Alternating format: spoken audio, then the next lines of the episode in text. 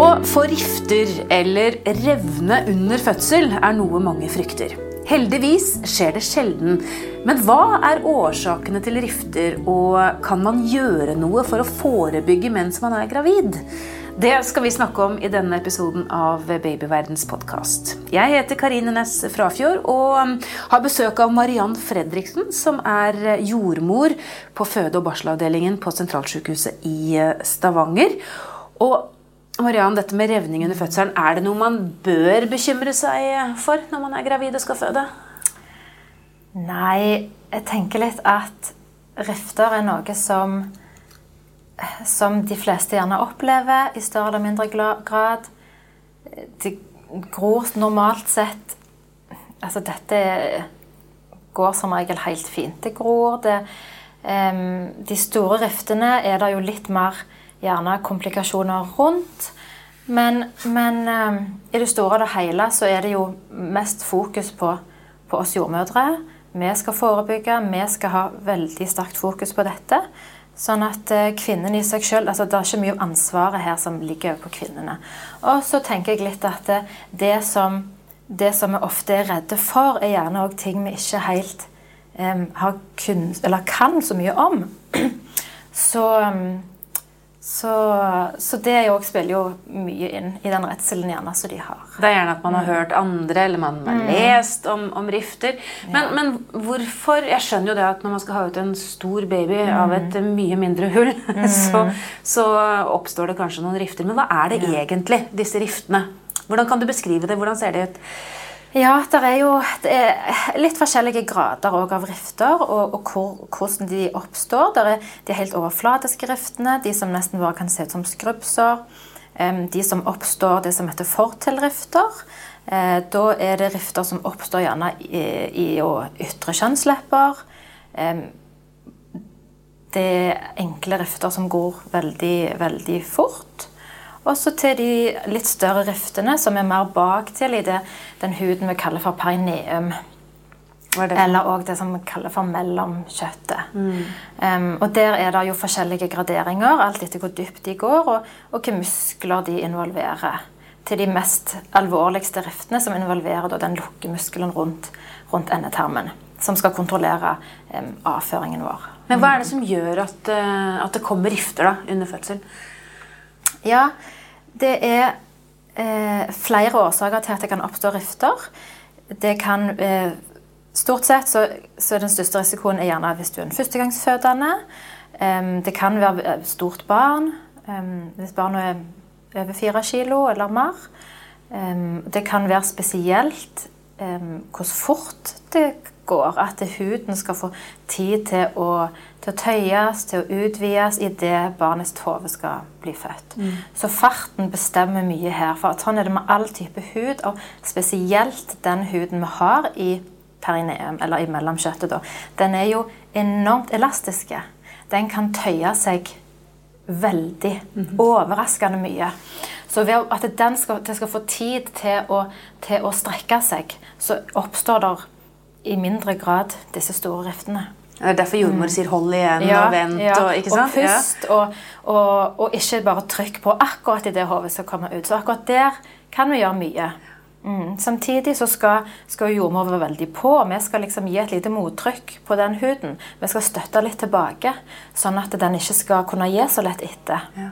Um, og så prøver vi at vi skal være to jordmødre akkurat når barnet skal bli født. Sånn at en annen jordmor kan gjerne være med å støtte eh, både hodet og, og skuldre idet de blir født. Og så er det ei jordmor som gjerne kan ha mer fokus på det med huden i, i perineum.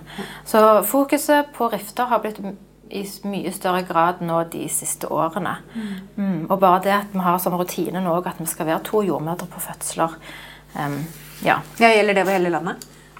Nei, det vet jeg ikke. Nei, men i hvert fall i Stavanger? Men i hvert fall i Stavanger, ja. ja. Så, så, er det. Men, men generelt andre sykehus òg mener jeg har, har det. Ja.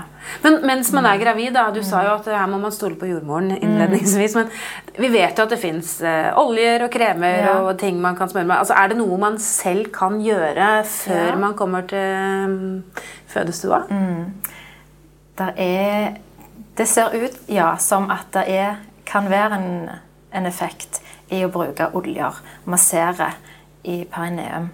Um, Dette mellomkjøttet. dette mellomkjøttet. Mm. Det er, det er ikke så stort område. så Det er ikke så stort område, det er ikke snakk om eh, lenge, men gjerne de siste ukene før fødselen så, så viser studier at det, det kan ha en effekt. Og det kan i hvert fall ikke skade, tenker jeg. Og det er for å mykgjøre huden? Det er for å mykgjøre huden, det er for at det skal få en god blodsirkulasjon og, og tøye litt i det, i det hudvevet da, som er i, i perineum. Kan ikke gjøre så mye med fortellriftene eller de, disse her mindre type skrubbsårene, eller, men akkurat den huden mellom, mellom kjede og endetarm. Ja.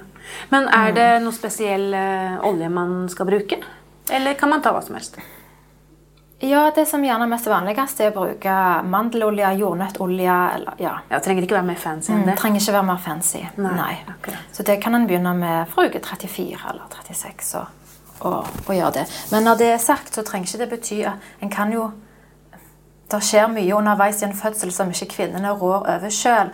Så de, der fins jo der kan ha noe med inns- altså hodet sitt innstilling hos barnet. Hvordan de ligger i fødselskanalen. Er det feilstillinger som gjør jo at de eh, Ja, at av og til selve omkretsen rundt Ja. hodet kan, kan være større. Det er ting som gjør at ikke noen kvinne kan gjøre noe med. Styrtfødsler, f.eks.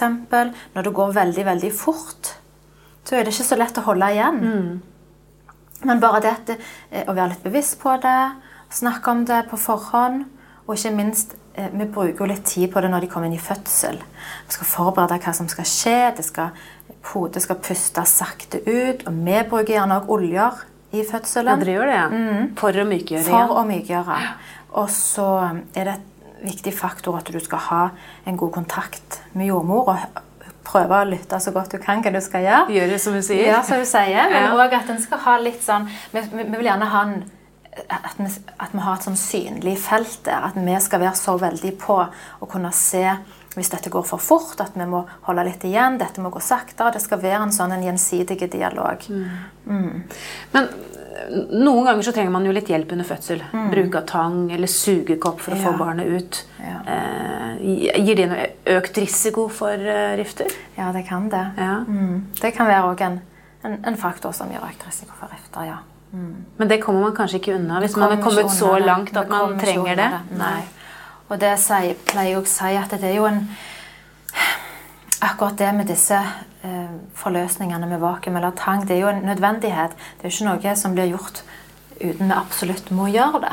Og da gjerne står det jo om at nå, nå må barnet bli født. Ja. Og så prøver vi så godt vi kan ha fokus på dette med å forebygge rifter. Og da jordmor og lege. Det er de som gjør eh, sugekopp Ja. eller tang. Og så er det dette med noen sier at hva med å klippe opp litt før Mm. fødsel? Er det noe man kan gjøre? Vi kan, vi kan gjøre det. altså er det forskjellige typer klipp vi kan legge. Det høres veldig Og det- dramatisk ut, da, å klippe der nede. Men, men eh, det viser seg jo at uh, små klipp f.eks. Uh, kan også øke risikoen for å få disse store riftene som involverer endetarmsåpningen. Um, og at en skal klippe litt til sida. Det har noe med graden vi klipper i. og så Der òg er det jo, Vi har jo månedens tema om dette på sykehuset, så vi har mye fokus på dette. Så et klipp kan forebygge, samtidig så kan en være uheldig med klipp òg. Så det betyr at dere tenker dere litt nøye om Ja, før før vi gjør det. Helst så må vi se an hvordan huden ser ut idet hodet skal bli født. Om det ser ut som det er godt god sirkulasjon. At vi vurderer hvordan det ser ut. Um, og så legger vi heller klipp hvis vi ser at det begynner å bli en, en litt sånn um, blodfattig farge på huden. Den blir litt sånn hvitaktig. Og, em, ja, så Det er derfor vi skal ha et godt sånn synsfelt. Mm. Men vi kan gjøre mye for å prøve å forebygge det. Vi bruker mye, det som forskning viser, er jo at vi kan bruke eh, varme kluter, varme omslag, eh, for å øke blodsirkulasjonen. Vi skal snakke mer om dette, hvordan man kan unngå rifter, og ikke minst hva gjør man hvis man først har fått en rift eh, under eh, fødsel. Men vi tar en liten pause først. Ja, Vi snakker om dette med rifter under fødsel i denne episoden av Babyverdens podkast. Jeg har besøk av Mariann Fredriksen. Hun er jordmor på føde- og barselavdelingen på Stavanger universitetssykehus. Og um, du har sagt Mariann, at uh, vi kan forebygge noe uh, i forhold til det med rifter, men, uh, men, det er jo egentlig naturen som bestemmer. da. Sånn, selv om jeg skjønner at jordmødre har veldig stort fokus på det. For det var vel et større problem før enn det er nå? Ja, det var det. Det var eh, mye høyere tall på disse store riftene som involverer en lukkemuskelen. Da. Mm. Det er de riftene vi snakker om, de, som, de tredjegradsriftene. Um, eh, men de siste årene er jo statistikken gått lenger ned. Vi har fått større fokus på det. Vi har jo fra løpet av 2006 at vi fikk handlingsplan en nasjonal handlingsplan for å forebygge store rifter. Ja. Og nå på landsbasis så tenker jeg eller det er jo en litt sånn svingende statistikk, men alt i alt så ligger den på rett rundt og under 2 um, Så det er jo i hvert fall halvert, om ikke mer, de siste årene. For da var det jo noe, Den gangen husker jeg at man hadde fokus på det man kalte for finskegrepet. Ja. Kom fra Finland, En sånn spesiell ja. måte å ta imot babyen på. Ja. Gjør dere fortsatt det? Ja, Noen gjør jo fortsatt det, men uh, fokuset er mer på dette med å bremse farten. nå. Og så akkurat hvilke type grep vi bruker, er litt sånn mm, at det kan gå det, det, har ikke vist så veldig stor effekt om du bruker det ene eller det andre. Mm. Det viktigste er å bruke et grep for å, for å, støtte litt tilbake det trykket som kommer på huden, og så samtidig bremse farten. Det er jo der vi kan gjøre mye. At huden må få tid til å strekke på seg. For det, det klarer den. Vi er lagd til det. Mm -hmm. Så der har vi heller kommunisere med kvinner. Men er det noen type kvinner som har større risiko for å få rifter enn andre? Altså ja. I forhold til hvordan man er bygget, f.eks.? Ja. Um, litt usikker på akkurat det, men spesielt er risikoen større hos førstegangsfødende kvinner. Ja. Og der de vet, eller vi ser gjerne at hvis barnet er stort, så kan det være en risikofaktor. Ja. Mm. Så da vet man jo gjerne det på mm. forhånd også, mm. før, eh, før, babyen eh, blir født. Ja. ja.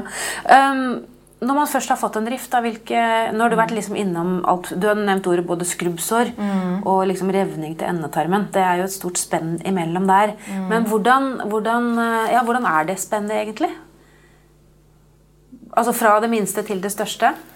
Ja, hva tenkte du Nei, jeg tenker at uh, Vi sier, snakker om rifter, og da høres det ut som uh, skrubbsår. Men mm. så, er det jo, så er det noen som snakker om full revning også. Ja, ja. Så hvor på en måte hvor, Det vanligste forstår jeg, det er jo disse små, enkle riftene. Ja. Men man kan få mye større problemer også.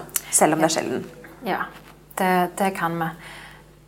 Men stort sett så gror de fleste riftene gror, uh, tilheler helt normalt, og en får ikke så store skader seinere. Det er kun i forbindelse med disse som involverer den, den lukkemuskelen. Mm. Og da um, er det en, en, viss prosentandel. Der er, alt, der er det litt sånn sprikende, men det er alltid fra, fra 20 til 60% som kan oppleve en sånn type seinskade etterpå. Um, på tross av at det er, det er suturert uh, bra. Hva betyr det? Mm. Det betyr at det ser ut til å ha til å ha til helt fint og normalt, men at muskelen i seg sjøl er jo svekka. Mm. Og at en kan ha oppstått et arrvev der som, som, trengs å trenes opp. Ikke minst. Mm.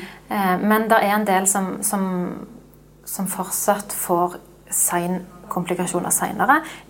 Heldigvis, i det, i mesteparten opplever jo eh, det som heter sånn, inkontinenstyper ja. av avføring, eller bare luftinkontinens, som er det vanligste. Og Det kan være forferdelig plagsomt for ja. en deler. Ja, det kan det. Men hvis man kommer så langt at man har fått disse store plagene, finnes det muligheter å bli kvitt dem på? Ja, det, det gjør det. det. Eh, førstehåndsbehandlingen er jo først og fremst å gå til en fysioterapeut. Eh, det gjelder alle kvinner som har født. Det gjelder i alle situasjoner der muskel- og eh, bekkenbunnsmuskler har blitt svekka, eh, så skal og trenger musklene å trenes opp igjen. Uten at det blir gjort, så, så er risikoen for at det skal være skader, mye mye større. Mm. Det er muskler som, som holder oppe alle indre organer, urinblære. eh, så jeg vil si at alle kvinner som har et problem med urin eller avføringsinkontinens, skal gå til en fysioterapeut. Fysioterapeut som er eh, spesialist på kvinners og og bekkenbunnstrening. Og det fins det mange av. Dette er ikke noe, noe vanskelig sånn altså, her kan kvinnen ta kontakt sjøl. Det er ikke lenger sånn at en trenger å ha henvisning via fastlege eller andre instanser. Ta sjøl kontakt med fysioterapeuter, og de har gode opptreningsprogram. Intensiverte bekkenbunnstreningsprogram.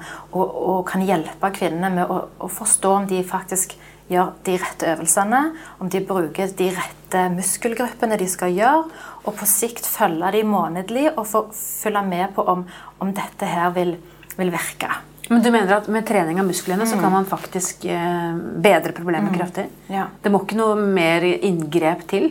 Eh, I noen tilfeller må det det, men førstehåndsbehandlingen er alltid å, å, gå til fysioterapeut og få denne type treningen. Og så, hvis en ser at en har vedvarende problemer, så er det hjelp å få inn på sykehuset av diverse gastrokirurger og gynekologer som kan bruke litt andre typer instrumenter og se hvor ligger egentlig problemet. Mm. Kan det gjøres noen nye kirurgiske inngrep her for å, for å fikse på dette? Ja. Mm. Men Hvis vi går tilbake til de eh, riftene som de fleste får da, under mm. fødsel Eh, mange tenker jo at eh, synes det er litt skummelt Det høres litt skummelt ut at man blir sydd. Ja. Er det vondt? Hvordan, hva, hvordan er det?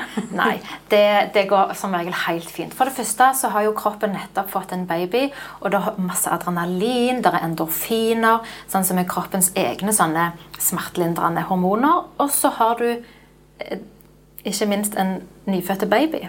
Så bare det at de, å få det barnet hud mot hud, og få ligge og ha barnet sitt, er òg en medvirkende faktor til at det som da skjer i underlivet, klarer en å fokusere litt vekk ifra. Og så gir vi god smertelindring, bedøvelse. Vi kan gi eh, helt overflatiske sånn kremer som vi legger ut på huden først som bedøver og eventuelt de stikkene som kommer. Og så kan vi bedøve litt mer inn i dybden med injeksjoner da, av, av sånn bedøvelse. Det pleier å gå helt fint. Om kvinnene opplever at 'å, nå kjente jeg det stakk litt', ja vel, så gjør vi litt mer bedøvelse. Ja. Så bruker vi god tid og får god oversikt og gjør dette så nøyaktig og, og bra igjen som vi kan. Altså, så dette skjer rett og slett mens man ligger med babyen på brystet? Oh, ja, ja, det er kanskje ikke man merker det engang? Nei, dette, skje med, dette skjer med en gang. Ja. Ja. Men uh, for de som er litt opptatt av Jeg vet at en del unge kvinner er litt opptatt av hvordan man blir senes ut der nede etterpå. Kan, har den, altså Denne syingen og disse mm. riftene, har det noe sånn kosmetisk utseendemessig betydning? Nei, det har ikke det. Det blir helt fint igjen. Ja, det gjør det. det underlivet har en utrolig evne til å til å tilhele eh, fort. Og en ser, ser, helt normale ut etterpå. Det er ikke noe de skal gå rundt og tenke på. Nei da. Vi, vi, gjør dette hver dag, og vi, vi har egne sånne PC-programmer òg som har sånn innlæring i hvordan vi skal sy, og forskjellige teknikker. Så, og vi har jo en enorm interesse for dette. Ja alle vi som jobber. Så dette er noe vi er veldig opptatt av. At det skal se fint ut etterpå. Mm. Hvis, hvis, man har revnet under én fødsel og, og, har litt dårlig erfaring med det, eh, i forhold til nye fødsler senere, er det mm. noe man trenger å grue seg ekstra for da? At dette skal skje igjen? Nei, det kan være helt eh, En som har hatt en stor rift eh, første gangen, kan oppleve at det da kommer ingenting neste gang. Um, så det, det, det, vet vi ikke på forhånd. Men um, de som har hatt muskler ja, som involverer denne lukkemuskelen, de har større sjanse for at det, det, skal skje igjen. Men generelt sett andre typer rifter og um, Det er noe helt annet når en, når en, føder igjen, for da har det passert et barn. Huden har på en måte allerede den gangen fått, fått lov til å tøye, og, og det betyr mye. Så stort sett så er alt enklere andre gangen. Og tredje ja, gangen. Ja, ja, Det kan det være. Ja. Du, det var godt å høre. Tusen takk skal du ha, mm. jordmor Marianne Fredriksen. Hvis du lurer på mer om dette temaet, finner du mange artikler på babyverden.no og diskusjoner med andre i Babyverdens forum. Hvis du ikke allerede har lastet ned appen vår, Gravid og barn, så anbefaler jeg deg å gjøre det med en gang, så kan du følge utviklingen til barnet ditt dag for dag og uke for uke. Siden du er opptatt av graviditet og barn, kan det også være lurt å abonnere på Babyverdens podkast, så får du nye episoder automatisk hver uke. Det er også vi som lager podkastserien Gravid uke for uke. Den bør du også få med deg hvis du har barn i magen. Har du kommentarer eller et tema du ønsker at vi skal belyse, så kan du sende en e-post til podkast at babyverden.no. Men husk at vi som lager denne podkasten er journalister og ikke helsepersonell. Så hvis du har medisinske spørsmål, må du ta kontakt med jordmor eller fastlegen din. Ha det godt til vi høres igjen.